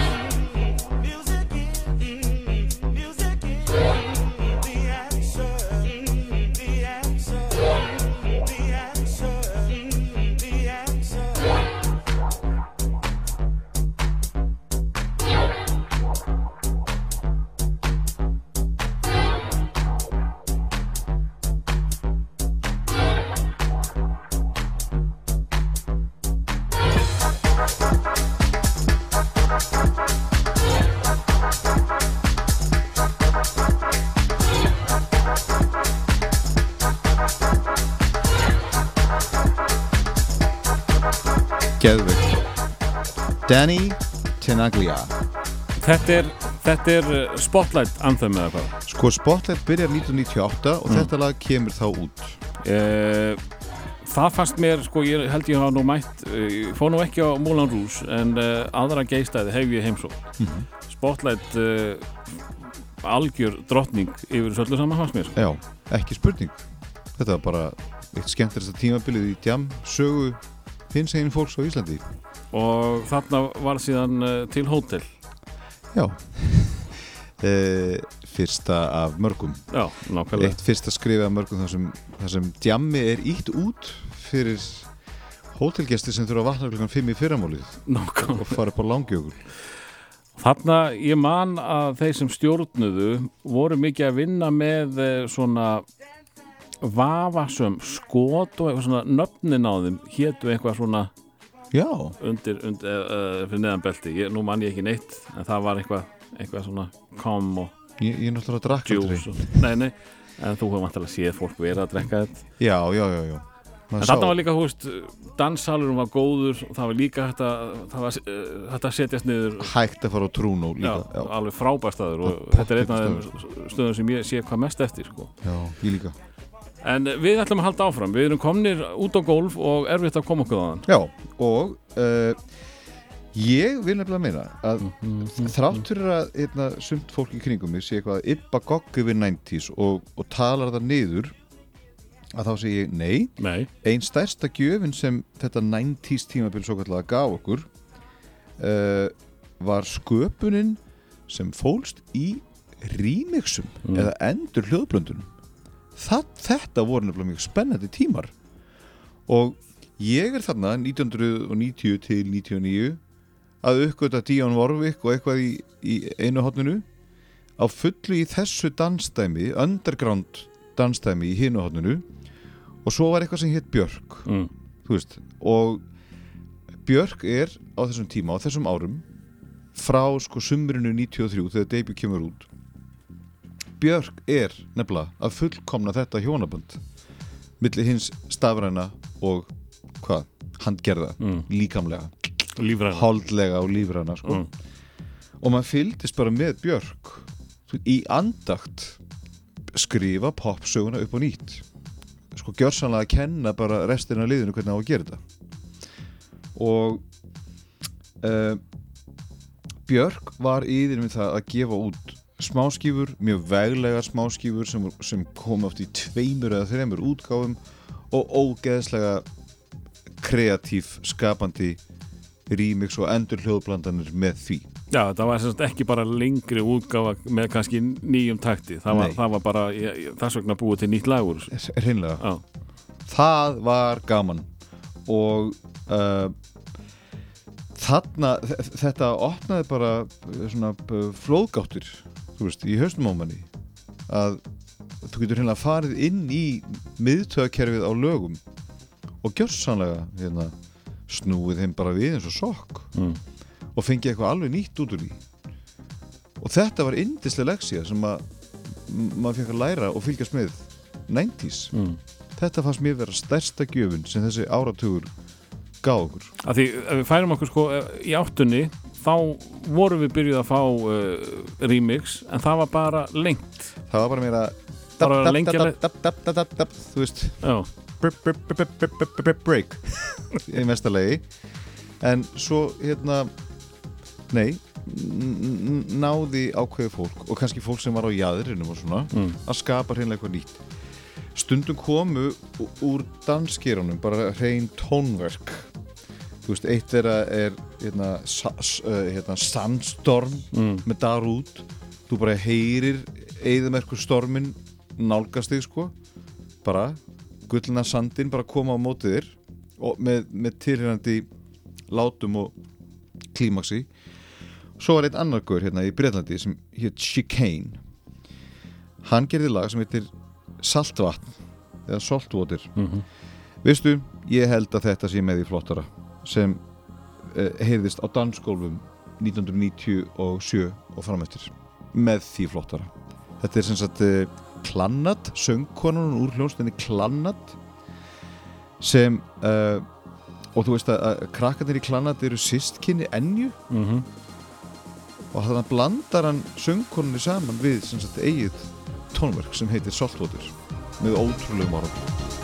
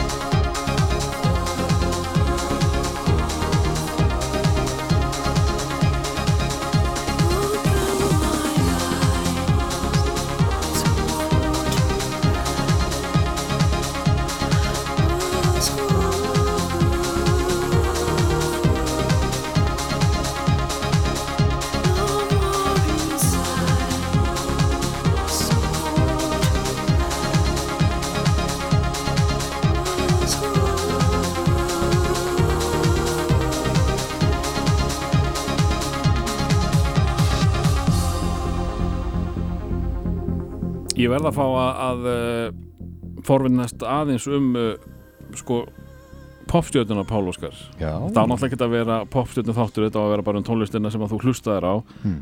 en uh, þetta var svo magnaður áratugu fyrir því Hmm. uh, stuðið kemur þið svona á, á framfæri uh, engin metsóluplata Mhm. svo byrjar að metselja sem balluðusöngvari Getur ekki sagt það? Og þú mátt ekki glema miljónumæringunum Já, sem að var náttúrulega og Casio eða ekki líka Já. og, Sko, þetta er svo skrítið. Stuðplatan kemur út november 93 mm, Hálfa ári síðar kemur fyrsta miljónumæringaplatan Hún gekk bara brjálaðslega vel. Uh, Með tilhengandi spilir í.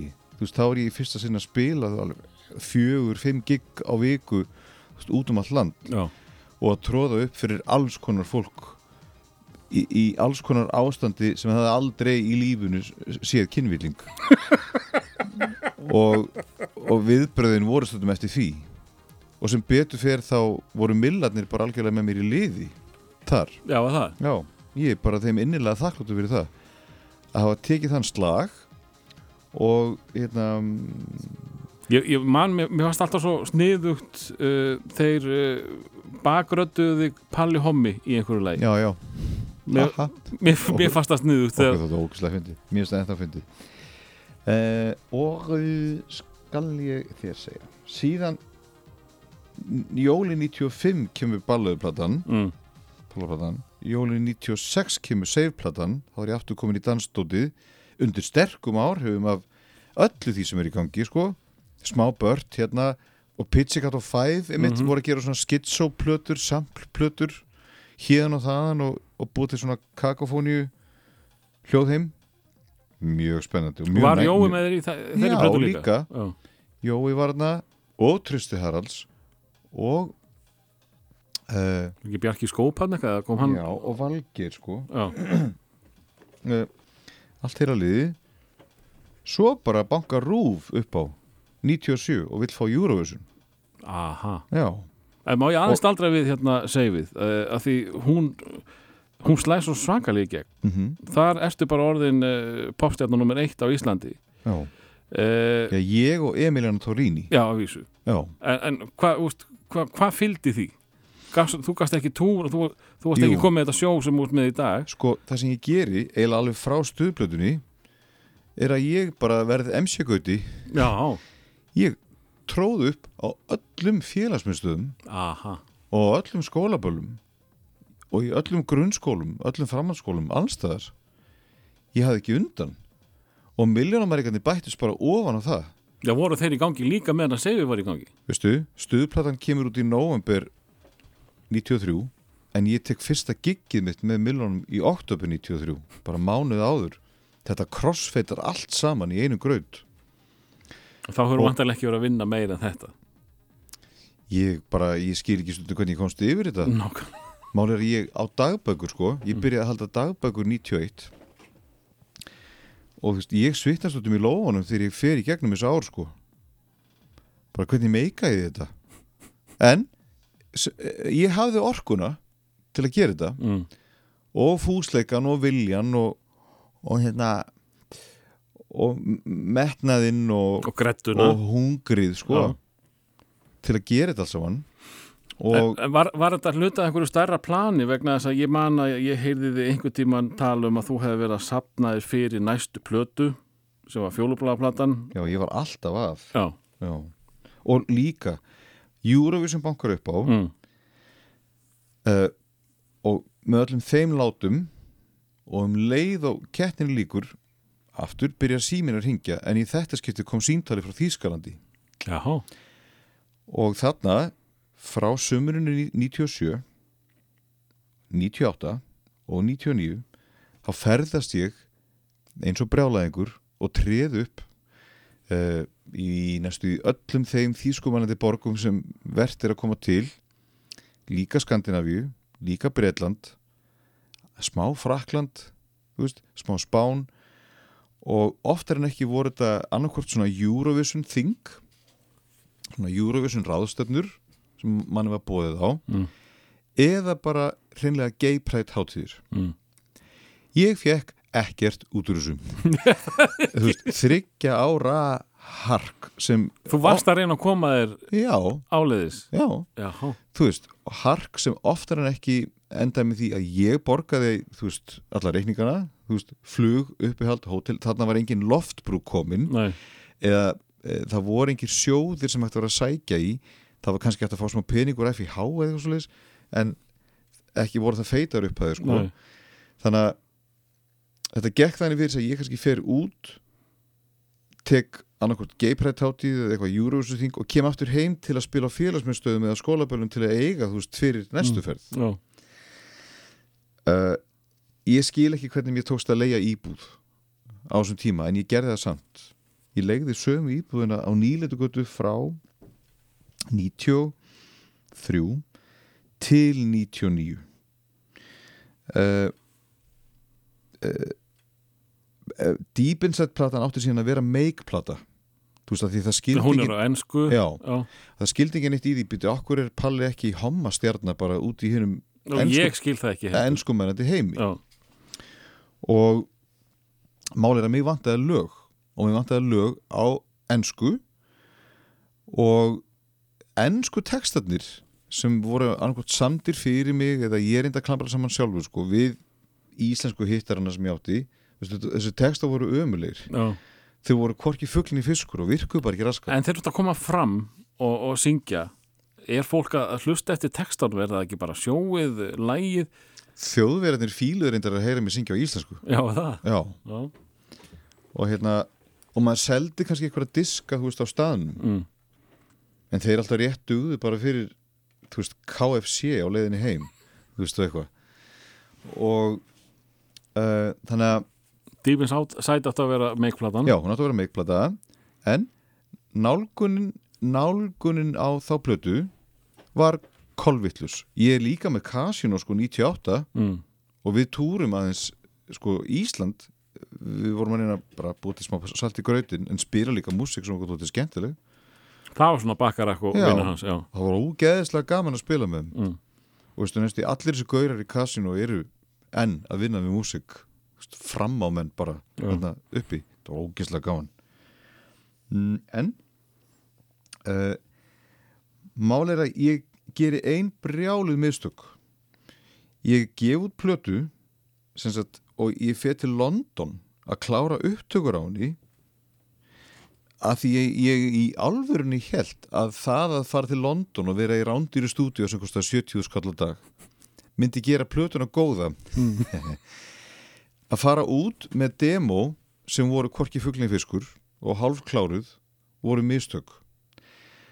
Uh, að telja í plötu sem er hálfbökuð fyrir það fyrsta með, með ágætislögum en engum hitturum. Að gera plötu með tíu björliðum ekki góð hugmynd. Ekki gera það.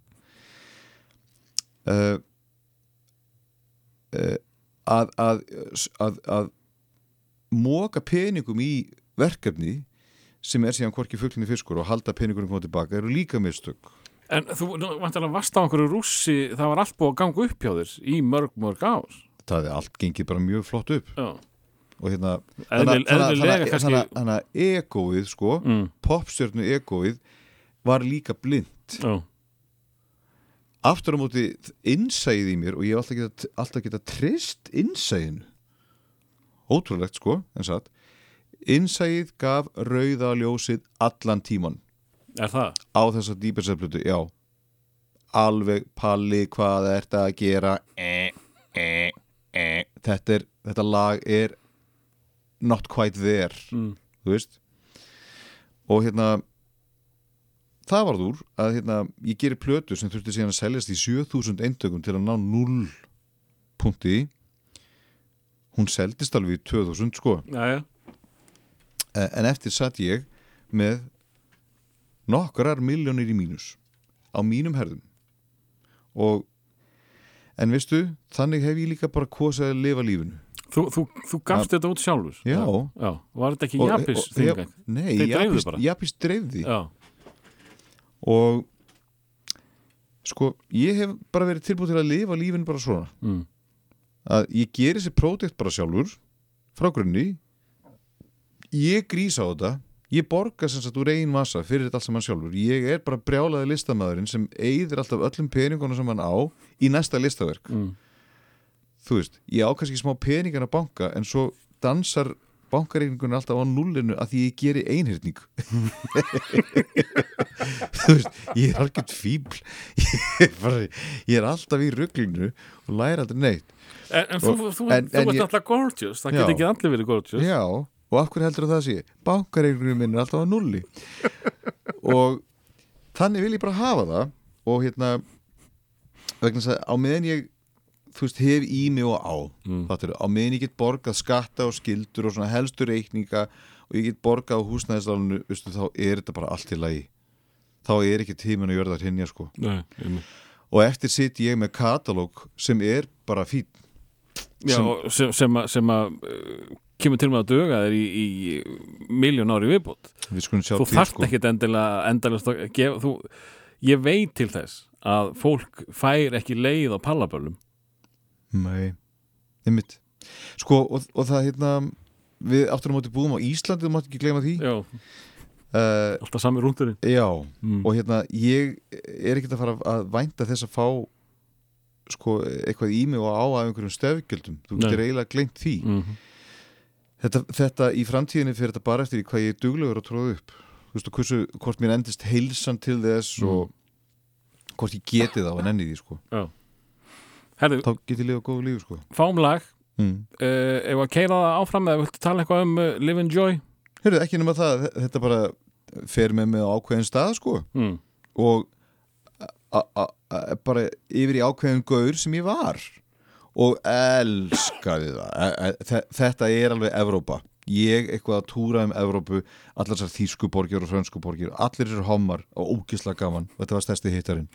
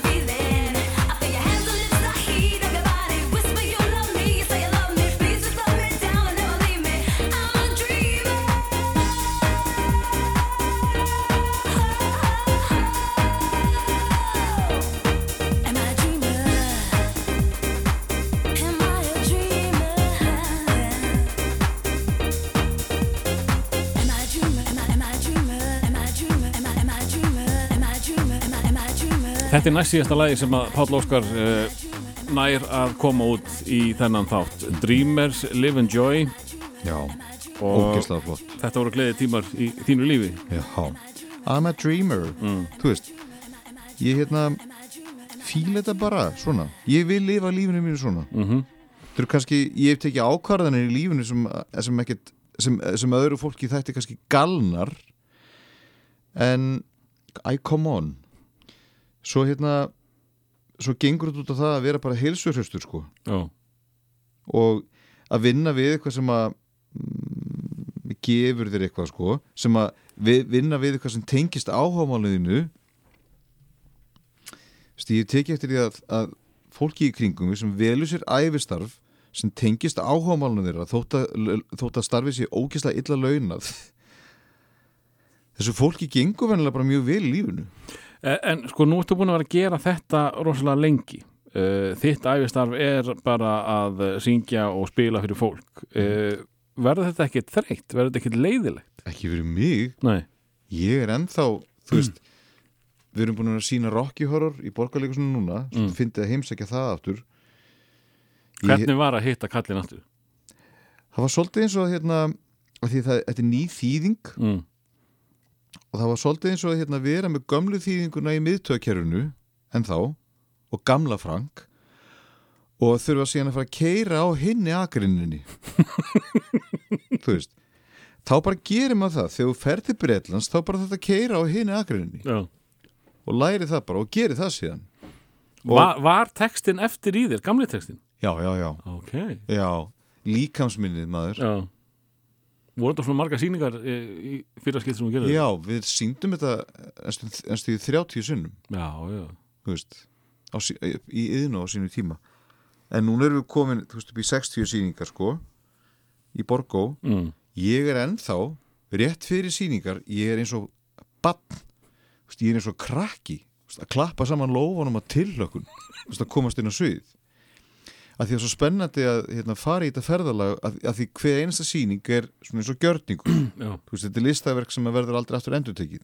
Happening. Mm. og ég laka svo til að vita ok, hvernig verður þessi gjörningur? Hvernig fer þetta ferðalag? Hvaða tónn verður settu núna? Eða hvaða lit setjum við í þessa setningu sem verður til þess að næsti maður verður að svara svona? Já, er þetta pínu vilt? Er þetta ekki alveg niður njörðað? uh, þú kannski ert með ákveðna hluti niður, niður njörfaða Mm. jú, en energið á milli leikarana þú veist, bara augnaráð Mm. veist, horfast í augu við einhvern leikara og gefa síðan eitthvað áfram aftur út í sal og þetta, þetta er aldrei eins Mm. og það er þannig líka á, á tónleikum og giggum þú veist alltaf þegar það er showtime ég fer alltaf í gang bara eins og þegar ég var tveggjára Já, er þetta alltaf, alltaf spenntur? Er þetta ekki, Já. Ó, nei, það er aldrei, ó, ég þarf að gera þetta. Nei, veistu stundum hérna, þá getur þetta verið erfitt ef ég er illa fyrir kallaður. Já, ef ég er hreinlega veikur Mm. en veistu, ég hef unnið veikur alveg seamlessly og þá bara hita maður þessu upp.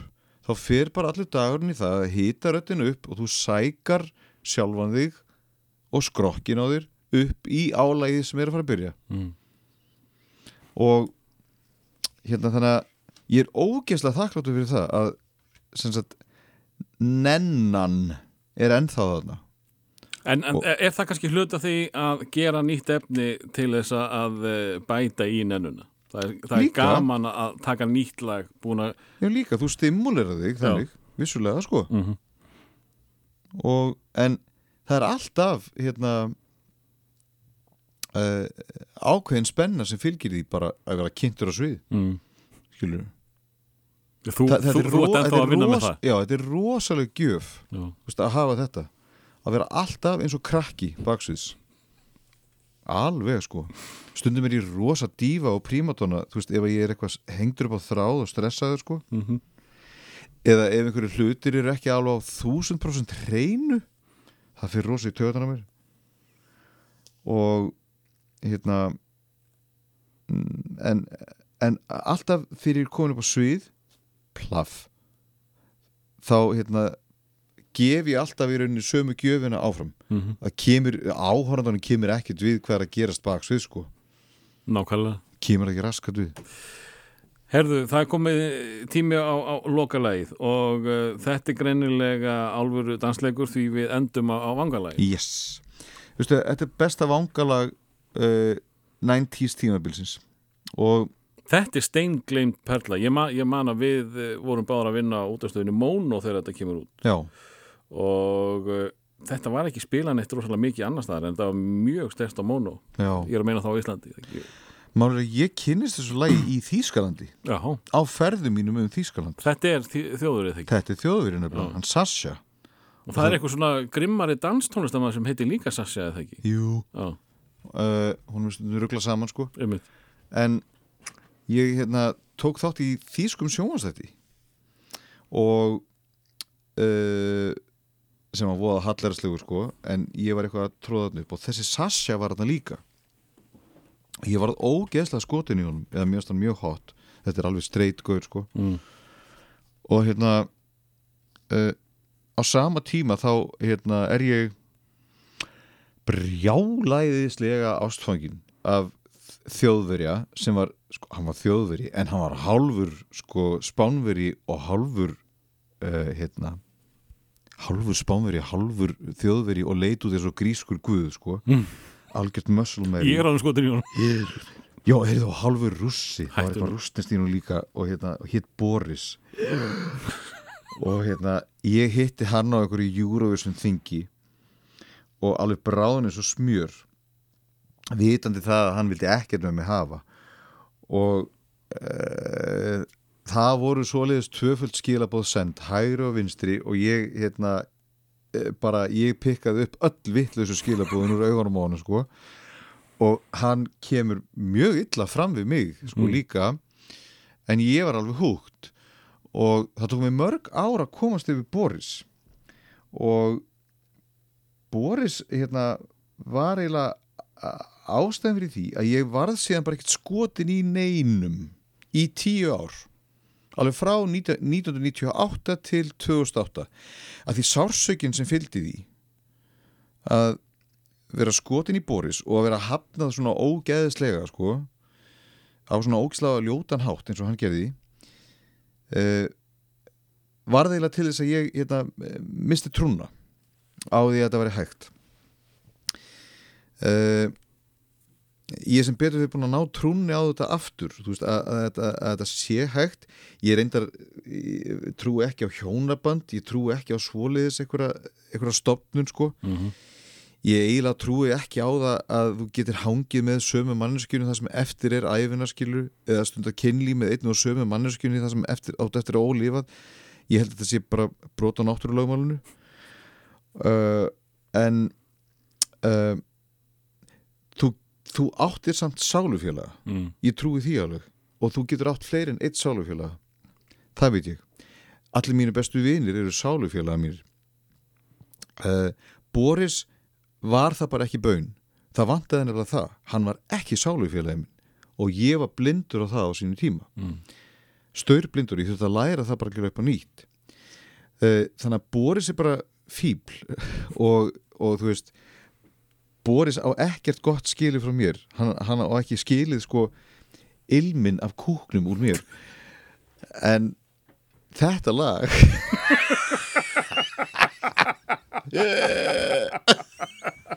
þetta lag er hérna ég og Boris. Já. og hérna og ég þarf núna að hérna, heila sjálfan mig og þetta lag og minningunum þetta lag og vonandi taka það yfir í hérna núna nútíman og vona að ég fá að vanga við einhvern annan undir þessu lagi Mm. eh, og ég vona að það verði sálufélagi sem hérna e, já, sem gefur mér fullvissun um að, hérna, að sálufélagin sé mátt, mættur sko, að ég þurfi ekki að vera þykist vera neitt annað heldur en ég er eða setja mig einhverja stellingar eða neitt slíkt Uh, mér, mér langar svolítið mikið að spyrja það nánar út í marga hluti en uh, við erum komið langt yfir á tíma og hérna Andri var að banka hurðina hérna. En eigum við ekki bara að vanga saman? Jú, og uh, þetta er sem sagt vinnuðinn uh, Sasha. Já. Og hvað heitir þetta ágætala? If you believe in love tonight. Takk kærlega fyrir Páll Óskar. Mm.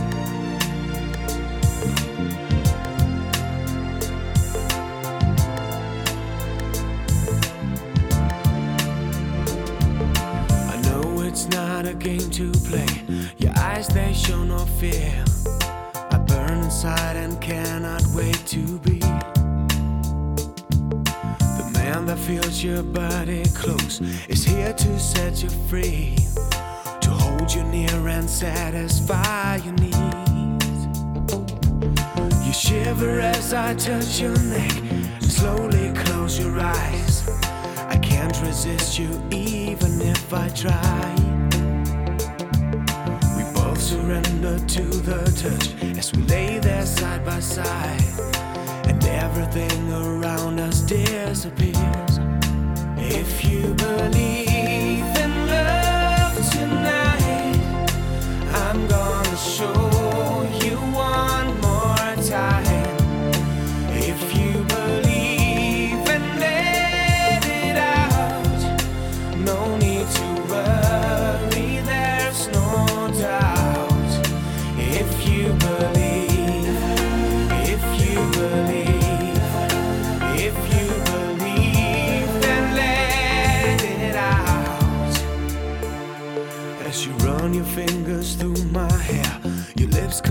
close to mine.